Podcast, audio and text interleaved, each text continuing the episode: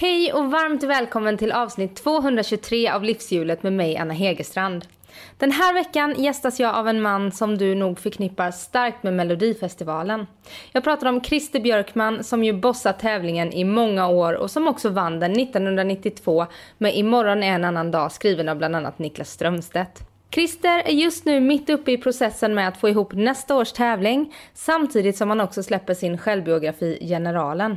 I den berättar han bland annat om vägen från hemstaden Borås till Stockholm, om varför han vid 30 års ålder valde att lägga ner sin populära frisersalong och byta sitt framgångsrika liv där mot en etta i Hornstull. Givetvis kommer vi också att få följa med bakom kulissen på Melodifestivalen och ta del av fantastiska historier. Och Generalen den släpps 22 september i butik. Christer och jag pratar såklart också en del Mello och han berättar hur han tänker sig livet när han väl slutar vara en del av tävlingen. År 2021 blir nämligen hans sista år och det är också det året han firar 20-årsjubileum som ansvarig för tävlingen. Vi pratar också om hur han har lyckats kombinera familjelivet tillsammans med maken Martin med ett otroligt intensivt arbetstempo. Gå in och följ Livshjulet på Facebook så blir jag jätteglad och lämna gärna en kommentar om veckans avsnitt. Podden klipps av Kim Versén och distribueras av Acast. Ha nu en riktigt fin vecka så kommer Christer Björkmans livshjul här. Varsågod.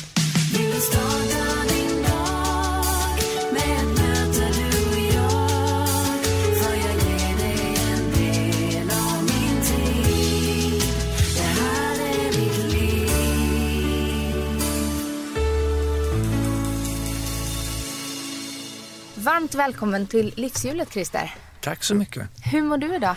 Du, det är en ganska bra dag tycker jag. Det är härligt väder ute. Det var, jag var lite seg i starten, vaknade sent, men det gör jag alltid i och för sig eftersom jag inte kan vakna. Alltså du är en sjusovare? Ja men alltså helt bedrövlig. Jag, jag har, men det, det, det, är en sån här, det går genom hela mitt liv. Mm. Jag vet ingen som har fått så mycket straff för att jag försovit mig som jag. Så eh, det var som vanligt med andra ord. En vanlig morgon, vaknades lite för sent, eh, satt i lite möte på morgonen, så lite stress. Eh, ja, det är lite så som livet är. Mm. Du sa att du kom precis från möte med SVT. Ja. Gäller det nästa års eh, Melodifestivalen då eller? Absolut. Ja, det gör det. Ja. Det, det är nu under hösten, lite senare, som alla bidrag skickas in och sådär som du har rätt mycket att göra. Ja, eh, alltså, det där, alltså på något sätt så pågår ju Melodifestivalen året om för oss. Eh, det är bara att det är olika faser och just nu i den här tiden så är det ju låtarna som är i fokus. Och eh, från, egentligen från mitten av augusti till slutet av eh, september skulle jag säga, mm. är all fokus på att eh, hitta låtarna, definiera dem, eh, välja dem och sen tar själva artistjakten över under oktober-november. Ja just det, för först så väljer man ut låtar ja, och sen så placerar man dem på artister. Ja, exakt så. Eh, och eh, i, i vissa fall om, om vi inte hittar eh, låtar i det här skedet så kan det ju vara så att man går ut och beställer fler låtar faktiskt. Någon gång under oktober för att komplettera det som vi redan har fått in. Men, men det varierar från år till år. Man vet liksom aldrig riktigt hur det ser ut. Det är en ny palett varje mm. år. Ja, verkligen. Och eh, det är ju det som gör att man inte tröttnar också, att det är, att det är ständigt, eh, i ständig förändring. Mm. Och när ni går ut och beställer då, om ni behöver beställa fler låtar, har du en lista på låtskrivare? För ofta så är det ju eh, en och samma låtskrivare som har ganska många bidrag med. Eller i alla fall ett par har varit under åren. Ja, Eh, det där var väl lite förenklat kanske, men det finns ju en elit som har en förmåga att hitta den där nerven som tilltalar många. Eh, men jag brukar alltid jämföra det med, med idrott och det är ju så att det är klart att eh, en, en expertpanel, alltså en kunnig fotbollspanel missar ju inte en Zlatan. Nej. Såklart det finns alltid en Zlatan i alla branscher. Eh, och, och de sticker ut, de märks och, eh, och de får med låtar. Mm. De kanske är en handfull som har hittat någon slags nyckel till vad är det som lockar en bred publik. Ja, och just nu i den här eran så råkade de heta typ Fredrik Kempe, Bobby Ljunggren, Thomas Gesson, mm. eh, Peter Boström och vad de nu kan heta. Eh, så att eh, det är inget märkligt med det egentligen. Det är klart att någon är bäst. Ja. Och hur stor chans har en amatör som skickar in en låt som den här, jag kommer ihåg den här tjejen. Eh, Marie Lindberg. Ja, ja. Som skrev låten själv, framförde den själv och var helt okänd och gick och vann. Ja, eh, alltså det är klart att det, det där nyckelhålet är ju enormt litet. Mm. Eh, eller till och med nålsöga är det väl mm. snarare. Alltså det är jättesvårt såklart. Men vi likväl som de som skickar in drömmer ju om att det ska hända. Mm. Men nu, nu är det också så här att alltså, det ser så annorlunda ut hur man gör med sin musik nu mot då. Mm. Det, det, har gått tio år. Då var det ju så att man skickade eh, till oss, man skickade till förlag, man skickade till skivbolag för att söka sin lycka. Eh, idag lägger du bara ut din musik på nätet mm. och så plockas den upp mm. av människor. Och det är ju snarare så att vi idag sitter och skannar av nätet mm. för att hitta talanger. Eh, så att alltså den där sagan Marie Lindberg, jag tror inte den kan hända idag. För så det tålamodet överhuvudtaget har inte en ung begåvad person idag att de sitter och väntar på att vi ska öppna någon slags lucka åt dem. De öppnar den själva dels är det lättare att producera musiken själv hemma. Mm. Det är lättare att få ut den och om inte vi hittar den så skickar garanterat ett skivbolag den långt innan mm. vi hinner göra en, en, en, den typen av genombrott. Men det är ju lite samma sak som med Frans tänker jag. Var hans, han hade väl varit med och skrivit lite på låten och hans pappa och så var det en, eh, ett par låtskrivare till. Mm. Men det var inte heller vad jag har förstått eh, Melodifestivalmaffian, den etablerade. Eh, och han vann ju också. Jajamän. Och blev superfavorit. Ja, nej men alltså det, det, det finns ju väldigt många olika sätt att ta sig fram idag och vilket är jättebra. Eh, och du behöver inte vara liksom, upplockad av en stor multinationell eh, skivbolagsjätte utan du kan lösa det där alldeles själv. Det är Anton Hagman från i år som slog igenom i år i, i Melodifestivalen. Han hade ju redan breakat på nätet liksom och byggt sig en fanbase. Så att idag finns det otroligt mycket fler vägar att ta sig fram. Mm. Det är bra. Och hur stor makt har du över vem som får vara med? Ja, den är ju, den är ju stor såklart. Eh, vi har ju en jury som väljer hälften av bidragen eh, och sen väljer vi på redaktionen med mig i spetsen såklart, eh, andra halvan. Eh, men artistiskt är det ju så att i princip är det ju SVT som bestämmer alla artister. Eh, och, eh, och det handlar ju om att vi eh, i slutändan gör underhållning på TV. Eh, och eh, det finns vissa saker som ska uppfyllas för att det ska bli bra underhållning och det är ju att det finns en bredd och att du fyller den här paletten Eh, för programbeställningen säger att det ska vara program för alla. Mm. Och det betyder att vi ska göra en, en, en väldigt stor spridning på både musikalisk genre eh, och artistisk, artistiska uttryck. Mm. Det ska vara gamla, det ska vara unga, det ska vara nya, det ska vara stjärnor, det ska vara lite comebacker och det ska, alltså det ska vara lite av allt. Mm. Och, och det, det, ingår ju i min uppgift att se till att det händer. Mm. Hur eh, många fjäsksamtal får du i den här perioden? Eh, ja, det är rätt många. Ja, jag kan tänka mig det. det, det är det faktiskt. Eh, samtidigt så, så tror jag efter så här många år så vet alla hur jag jobbar. De vet också att det inte riktigt hjälper. Jag, och jag är, jag är lika jag är lika krasst hård mot dem jag känner som de som jag inte känner. Mm. Eh, så att det, det, det, man har inte mycket för det. Nej. Eh, däremot ska, ska man, tycker jag ändå, ligga på. Därför att det är, det är så otroligt många som vill vara med. Mm. Eh, och det kan vara så där att det är lätt att man glömmer bort någon som faktiskt är rätt givet att den borde vara med. Så för all del, det, är inte så, det är inte så dumt att ligga på och, bara visa att man finns. Liksom. Mm. Har du skapat dig ovänner? Eller ja. folk som blivit arga? Ja men absolut, det är klart att det är så. Och det är ju speciellt eh, sådana människor som, som, som jag då känner faktiskt som kanske inte kan hantera att det där nejet blir. Mm. Och som kanske har tyckt att ja men herregud vi känner ju varandra då borde jag ju liksom ha en fördel av det. Men så är det ju inte. Det är, alltså, det är tävlingen som är den stora stjärnan för mig, inget annat. Mm. Och du har gjort det här väldigt, väldigt länge nu. Ja, och, 17 året börjar nu. 17 året ja. Och sagt att 20, 20-årsjubileet blir det sista året. Ja, och, ja. Det, och det är fastslaget och det är, går inte att ändra på. Är det så? Vad säger SVT om det?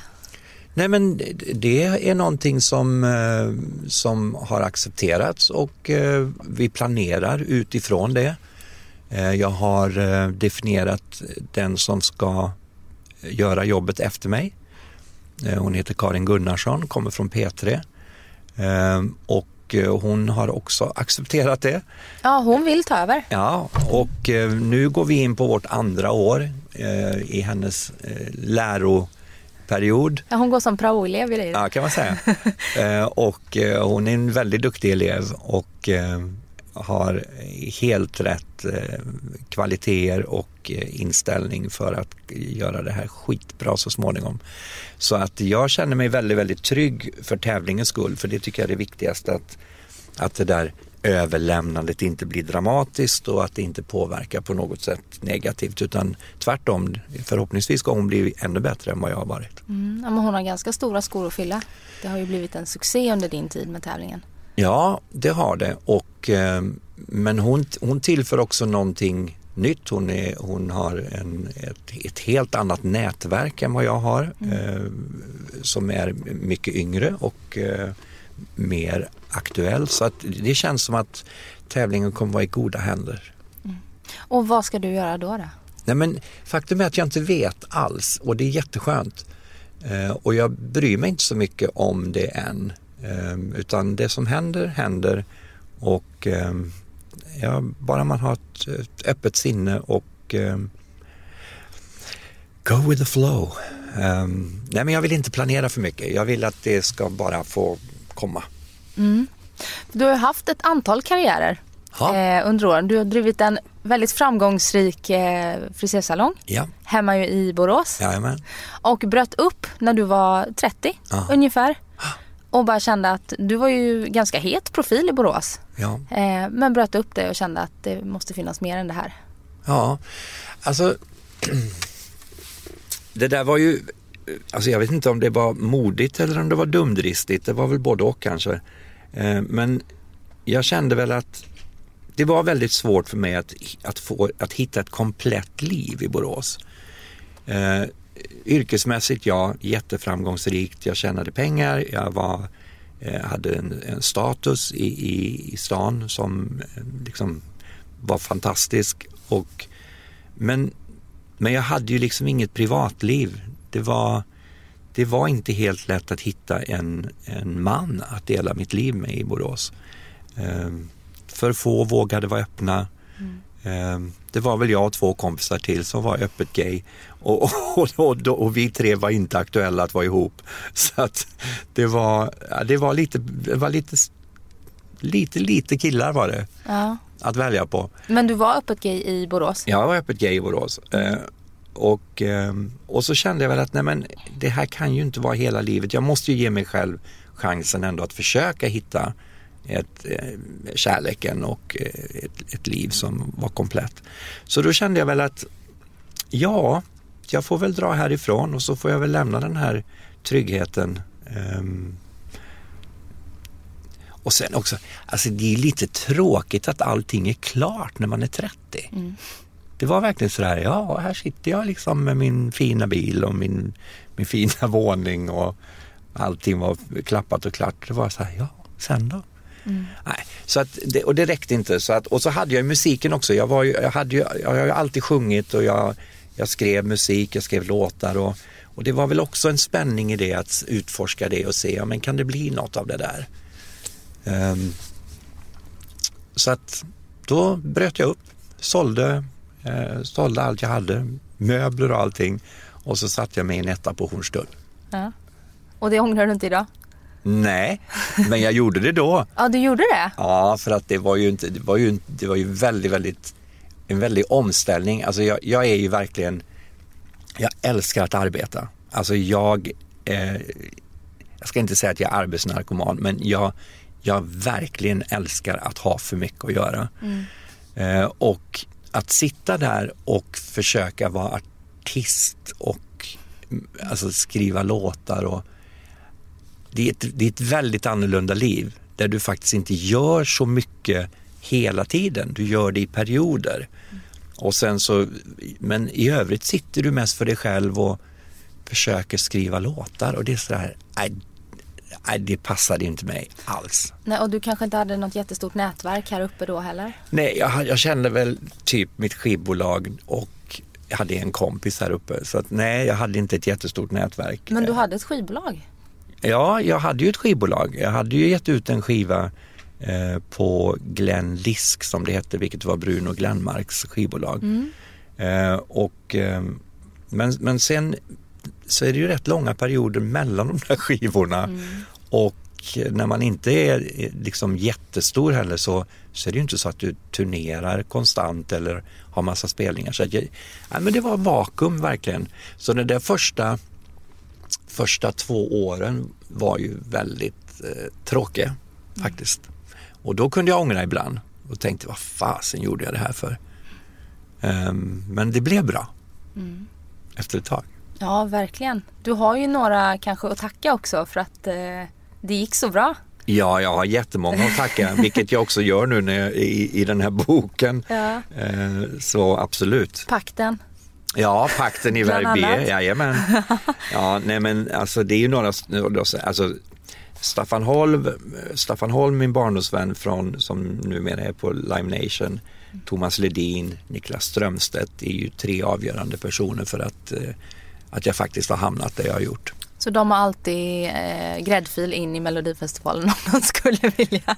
Ja, eh, ja absolut. Skulle Ledin vilja vara med igen så har han absolut en gräddfil ja, det... av flera skäl. Ja, även om han inte har hjälpt dig kanske? Ja, precis. Ja, jag förstår det.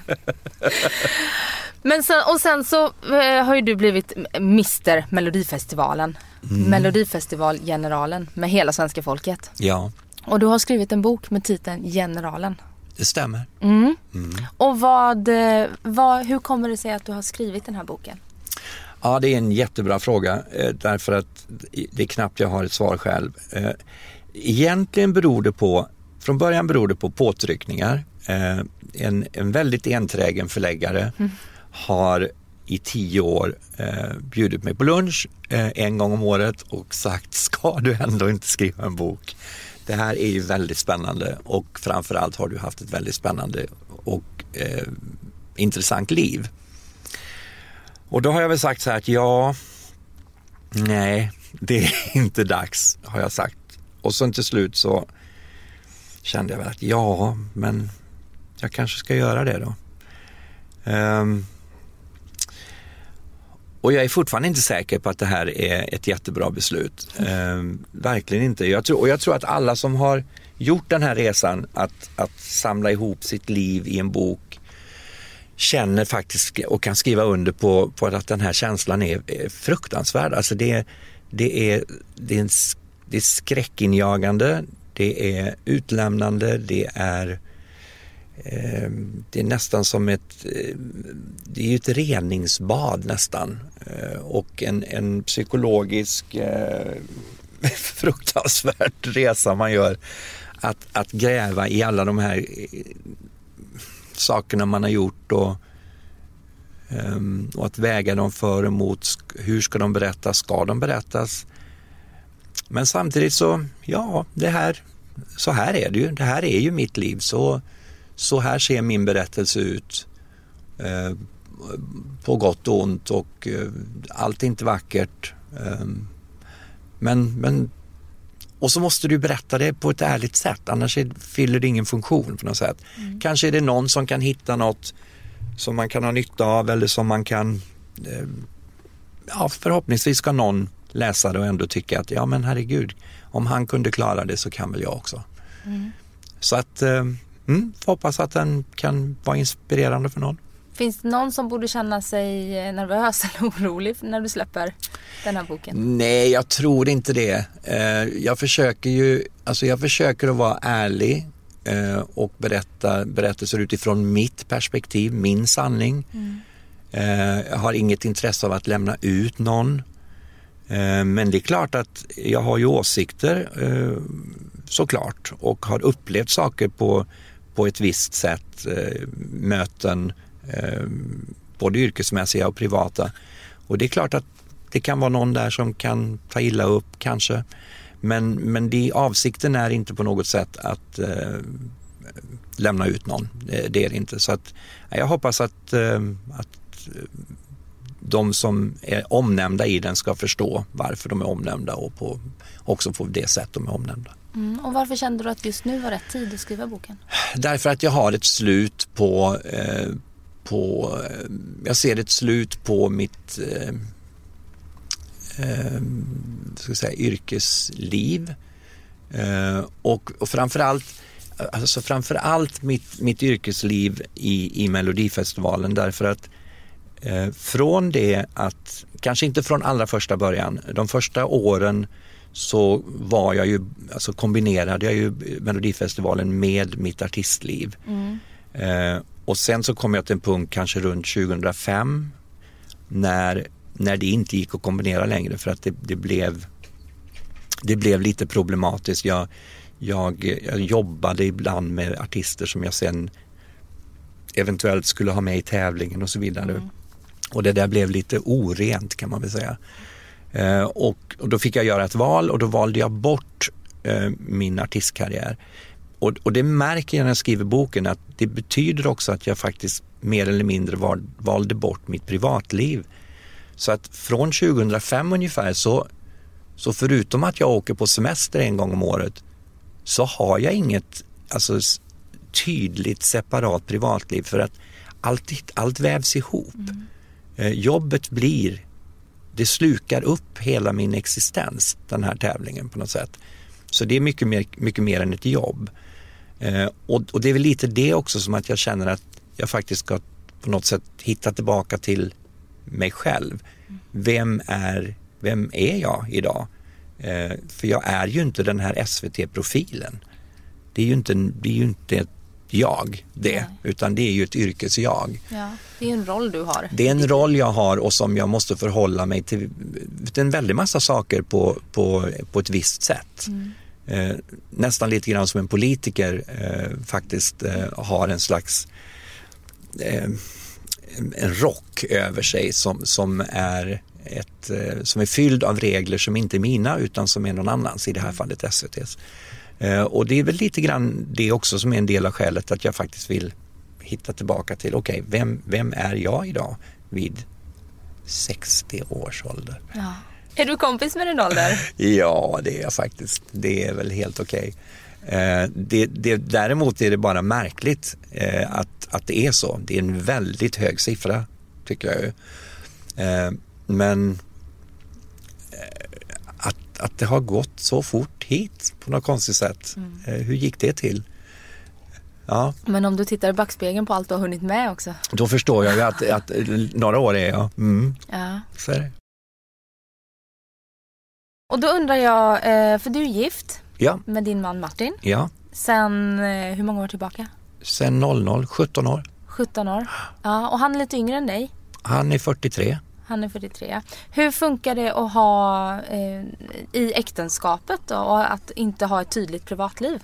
För han jobbar ju också i branschen va? Ja, han gör ju det. Han är sångare. Mm.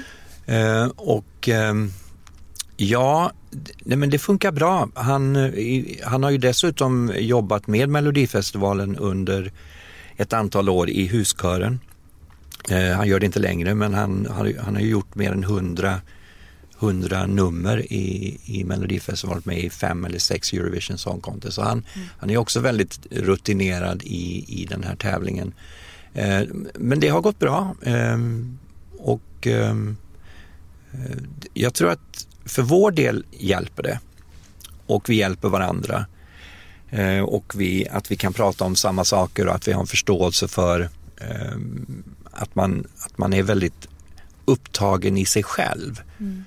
Ehm, han jobbar ju mycket med musikal och så, så han har ju, han har ju gjort flera säsonger i Malmö på Malmöoperan. Han har varit i Karlstad på Karlstad operan och Eh, de gånger han får ett jobb och är en säsong i Stockholm så är det ju en bonus. Mm. Men det är inget man kan räkna med utan under långa perioder så, så lever vi faktiskt också isär. Um, men, men båda har fått liksom utrymme och båda får göra sin grej.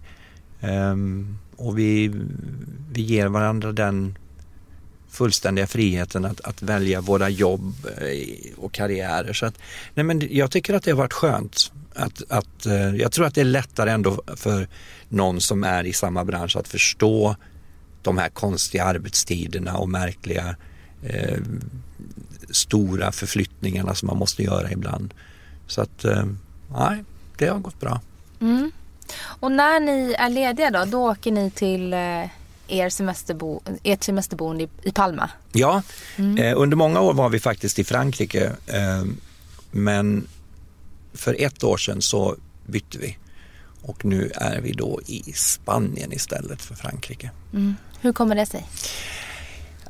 Alltså, det främsta är nog ett ekonomiskt skäl därför att det, Rivieran är så ohyggligt dyrt. Mm. Um, och, var på Rivieran var ni? Vi, var, vi hade lägenhet i Saint-Tropez. Ja. ja, det är typ dyrast också på Rivieran. Det är dyrast på Rivieran, absolut. Och, eh, och det kom väl till, alltså, man börjar tänka också sådär, det kommer väl kanske en dag när man, när man ska förlita sig på att eh, försörjningen kommer från en pension mm. och då räcker den inte långt till ett liv på Rivieran insåg nej. vi. Så att, nej men det här är väl lite strategiskt och, eh, och också nytt. Eh, ombyte för nöje tror jag. Mm.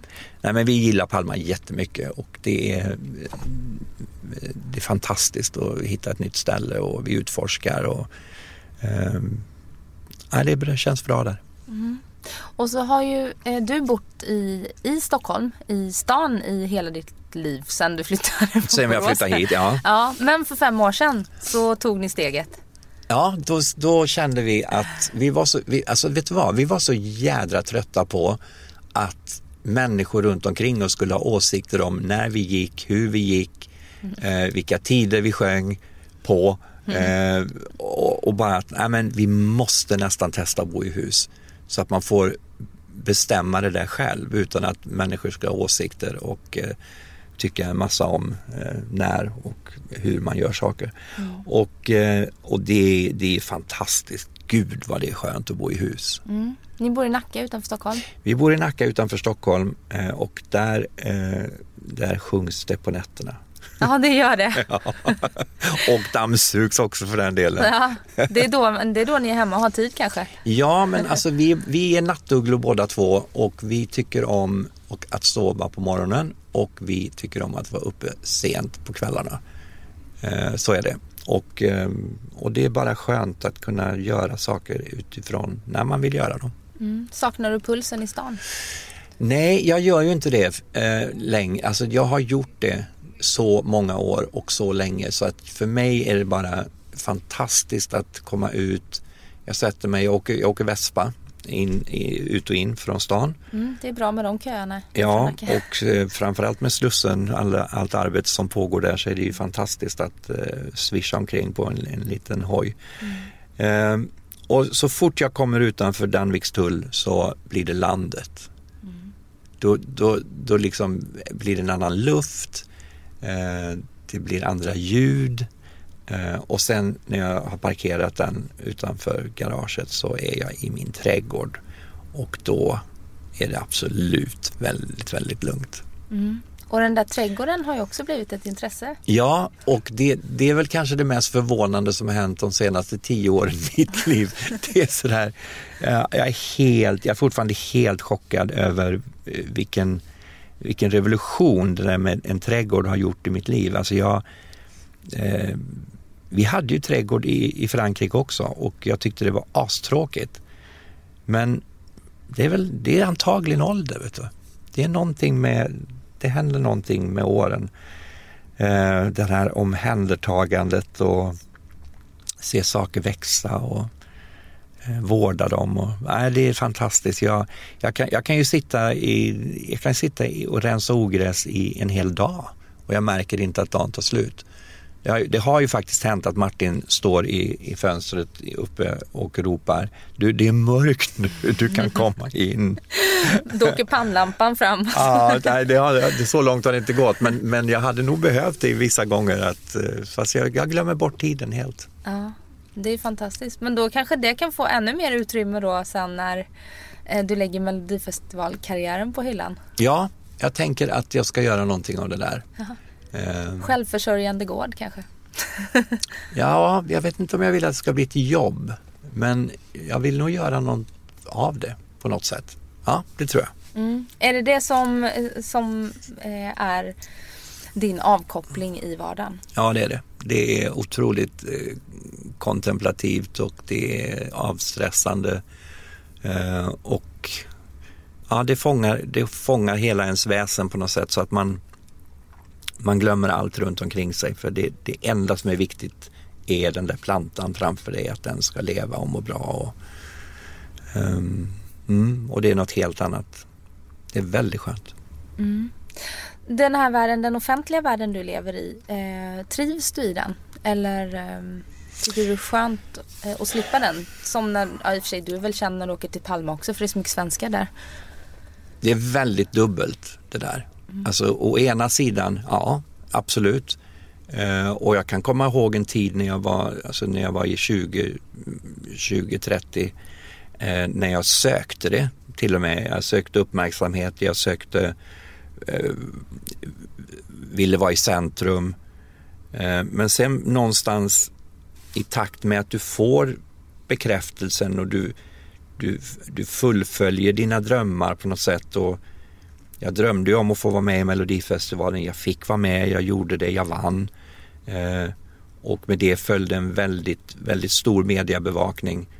Eh, och, och sen har jag ju fått eh, otroligt mycket, eh, är ju väldigt bevakad in, i, i Melodifestivalen också, alltså som med jobbet i Melodifestivalen. Mm. Och i takt med att du får allt det där i väldigt eh, stor dos så blir du också väldigt mätt på det. Det är sådär, så att ja, det är jättedubbelt. Ja, det, det är okej okay att vara, alltså jag, jag tycker att det är okej okay att vara i media när jag har en anledning att vara där. Men jag söker det inte och jag har jättesvårt för, man, man, alltså man ser ju på vissa människor som man kan se desperat söker att få synas i, i media och det får nästan stå vad som helst, mm. bara de får vara med. Och det där förstår jag inte riktigt. Ehm, men finns det anledning så har jag inga problem med det. Mm. Jag hittade eh, eh, just det här med sociala medier som ju är eh, ett väldigt bra sätt att hamna i media just nu för offentliga personer. Jag hittade ett Instagramkonto på dig, Christer Official som har en följare ja. och är stängt. Vem är det som följer? Du, jag vet inte det. Jag tror att det bara var den som la upp det och testade. Alltså grejen var så här att vi eh, vår marknadsavdelning på, på SVT mm. hade en idé för en fyra, fem år sedan om att ja, men du borde ha ett Instagramkonto och så ska vi lägga upp grejer där så att eh, folk kan följa dig och så ska vi berätta saker. Och sen så när vi väl hade gjort det där så var det väl någon annan som sa men det, den kommer ju bli extremt platt och tillrättalagd. Alltså, för vi kan ju inte berätta, du, alltså, du kan ju inte berätta saker, du kan ju inte ha en åsikt om saker. Nej. Eh, du kan ju inte och du kan ju inte berätta hemligheter. I så fall är det ju att vi gör det i samband med att vi ändå släpper någonting, en nyhet eller någonting till media. Och då är det ju inte via din kanal. Alltså, så att det blev sådär bara, nej skit i det, det var ingen bra idé. Nej. Och då blev det väl den som testade om det var igång som blev min enda följare. Men du har inget privat heller? Nej, jag har inte det jag, jag, var, jag var jättesnabb, eh, vad det nu kan vara, tiotal år sedan när, när, eh, när man började med Facebook och sådär.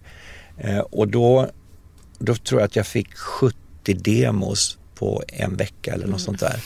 Och då kände jag att nej, det här var ingen bra idé heller. Eh, för då blev det blev som en, det blev en jobbkanal. Det, så det är svårt, men jag kanske, jag kanske ska börja Mm. Efter. Ja men precis.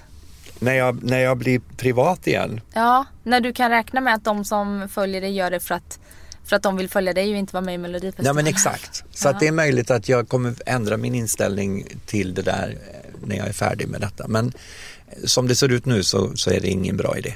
Nej. Hur ser din uh, umgängeskrets ut? Eh, den, den består egentligen av eh, två olika eh, grupperingar. Dels har jag en med gamla vänner mm. som, eh, som var mina vänner eh, före, så att säga. Boråsvänner? Boråsvänner. Eh, där har jag ett gäng och sen har jag då ett, ett Stockholmsgäng som där de flesta egentligen är en kombo av vänner och jobb. Mm. Um, så att som jag sa, det är svårt att hålla isär vad som är vad. Ja, jag förstår det. Eh, faktiskt. Bli, har du blivit vaksam eh, för nya bekantskaper och sådär? Nej, jag tycker att jag är ganska eh, öppen och ehm, jag, jag, träffade en tjej, eh, vi träffade ett gäng nu i Palma i somras och, och där eh, klickade jättehäftigt eh, och vi hade en jätterolig dag. Och, så att jag, nej men jag, jag, jag älskar ju det sociala och jag älskar ju människor. Så att jag, eh, jag, jag, har inga, nej jag har inga stängda dörrar när det gäller nya bekantskaper så. Eh, men som sagt det vore, det vore ju väldigt skönt när man kommer tillbaka till det där att det inte finns något syfte med det. Mm. Utan att det faktiskt bara är att åh vad vi hade trevligt. Mm. Och så att man inte tänker och så kanske jag vill vara med i Mello. Nej, precis. Du får umgås med andra yrkesgrupper, inte bara artister. Ja, nej men precis. Och det kommer, så kommer det bli såklart. Ja. Mm. Och sen det som inte så många vet om dig eh, är ju att du är ett sportfreak. Mm. Mm, och tävlingssimmade som ung. Ja, det gjorde jag. Ja. Mm. Och hur eh, tar sig den sportfreaken i uttryck idag? Um, ja, alltså på det privata så gör jag ju inte mer än att jag, jag tränar kontinuerligt för att hålla mig liksom, frisk och i form. Um, men men in, inte mer än så. Eh, och sen är det ju mest att jag är åskådare. Jag älskar att titta på sport. Um, och det har väl lite att göra med varför jag älskar Melodifestivalen och Eurovision Song Contest också tror jag. Jag älskar stora evenemang. Mm. Eh, och jag tycker inte att det är... Eh, jag, alltså jag tycker de påminner om varandra. Eh, ett OS och ett Eurovision, det för mig är liksom samma skönhetsupplevelse. Mm. Eh, jag tycker det är, ett, det är ett vackert skådespel och det är komplext och det är, det är fantastiskt när, när, när en när en idrottssändning är välgjord och välproducerad då är det, det är ett fantastiskt vackert eh, samspel mm. eh, som tv-produktion. Eh, så att jag, ja, jag gillar det, jag tycker det är fascinerande. Mm. Det är ju mellanakter och hela, ja men allting mm. runt omkring ja. ja. Det är jätteviktigt. Och det har ni verkligen lyckats med i Melodifestivalen. Ja tack, ja men det är roligt. Vi, vi har ju, det, det har ju varit en en utveckling under de här 16 eh, åren som vi har gjort och där vi har gått från att eh, det står två personer och presenterar eh, artister till att göra ett, ett helgjutet underhållningsprogram mm. där man i, i princip faktiskt, även om man inte tycker tävlingen är spännande, så ska man kunna titta på programmet och underhållas ändå. Mm. Ja, jag tycker att programledarna får ju nästan störst uppmärksamhet. Ja, men, men så är det och i, idag är det ju kraven på att programleda ett Melodifestivalen idag är ju jättestora. Mm. För du ska verkligen fylla eh, underhållningsvärdet i, i de här sex veckorna eh, genom en väldig massa olika saker. Mm. Och, och det, det är spännande och det är roligt och, och jag tycker att det har gett programmet väldigt mycket mervärde. Ja, ja det är roliga konstellationer också. Mm. Ja, de är, det är alltid lika kul ja. att, att uh, fundera ut dem där. Ja, det förstår jag. det är faktiskt uh, spännande. Ja.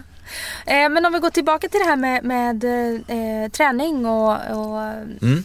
just hälsa. Hur, eh, hur känner du? Eh, du sa att du har inga problem med att, att bli äldre och att fylla 60. Men rent fysiskt? Mm. Alltså jag, hittills har jag ju haft en väldig tur skulle jag säga. Alltså jag, jag har, har bra gener, jag är, jag är inte överviktig, jag, är inte, jag har inga, inga sjukdomar. Eh, jag är, jag är på det stora hela väldigt frisk mm. än så länge. Och, ehm, och så länge, alltså, det är egentligen det som är syftet för mig med att, att, att träna.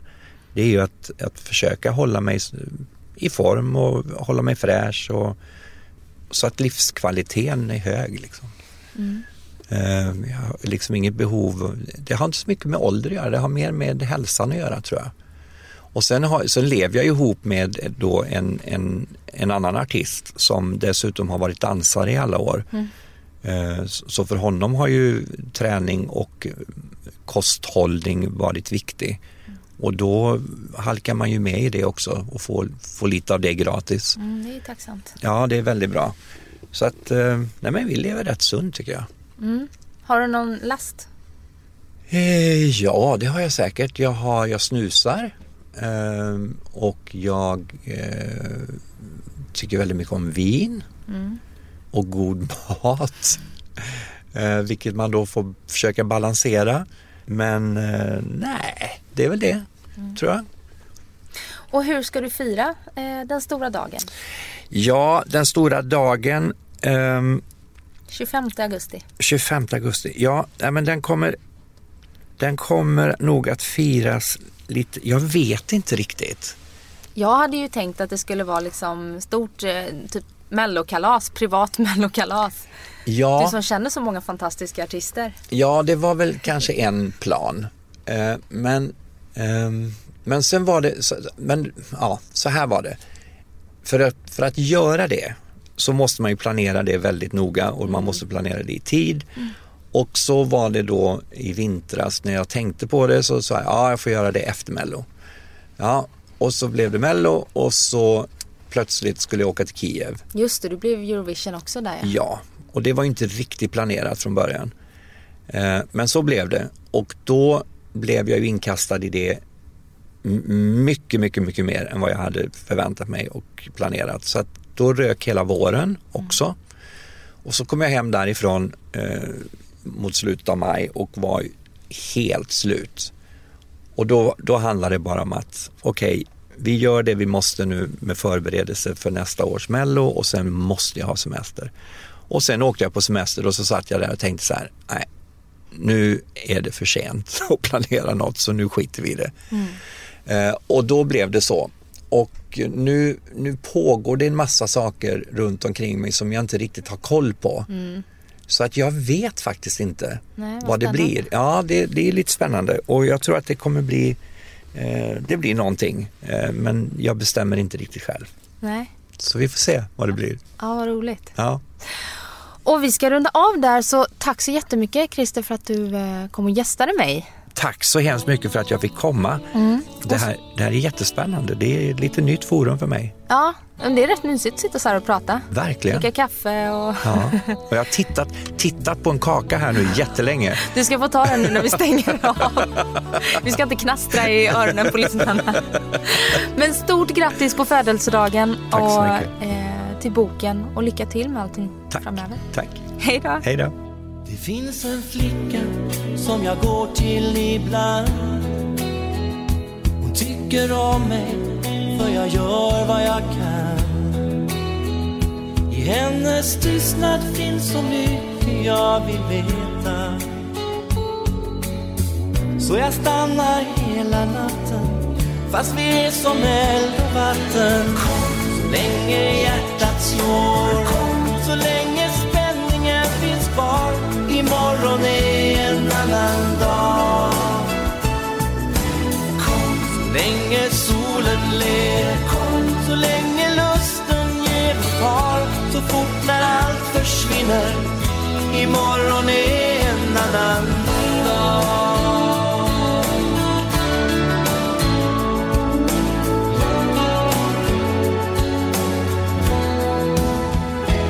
Hon tavlor jag aldrig får se.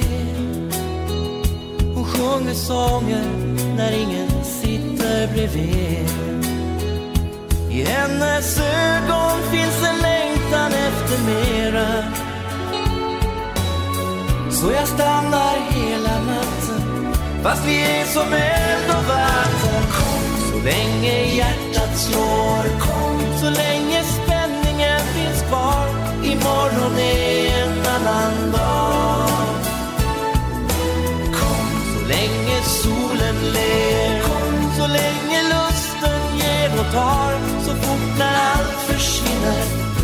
Imorgon är en annan dag.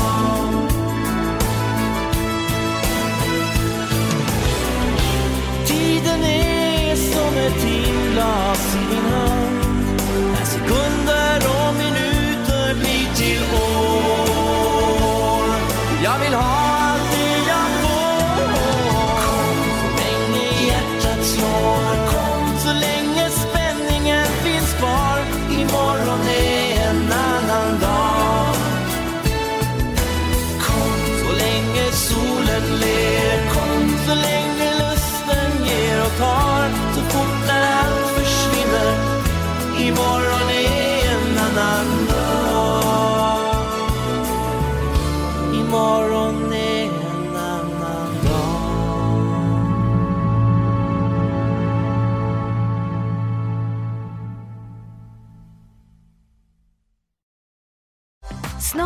starta vår stora färgfest med fantastiska erbjudanden för dig som ska måla om.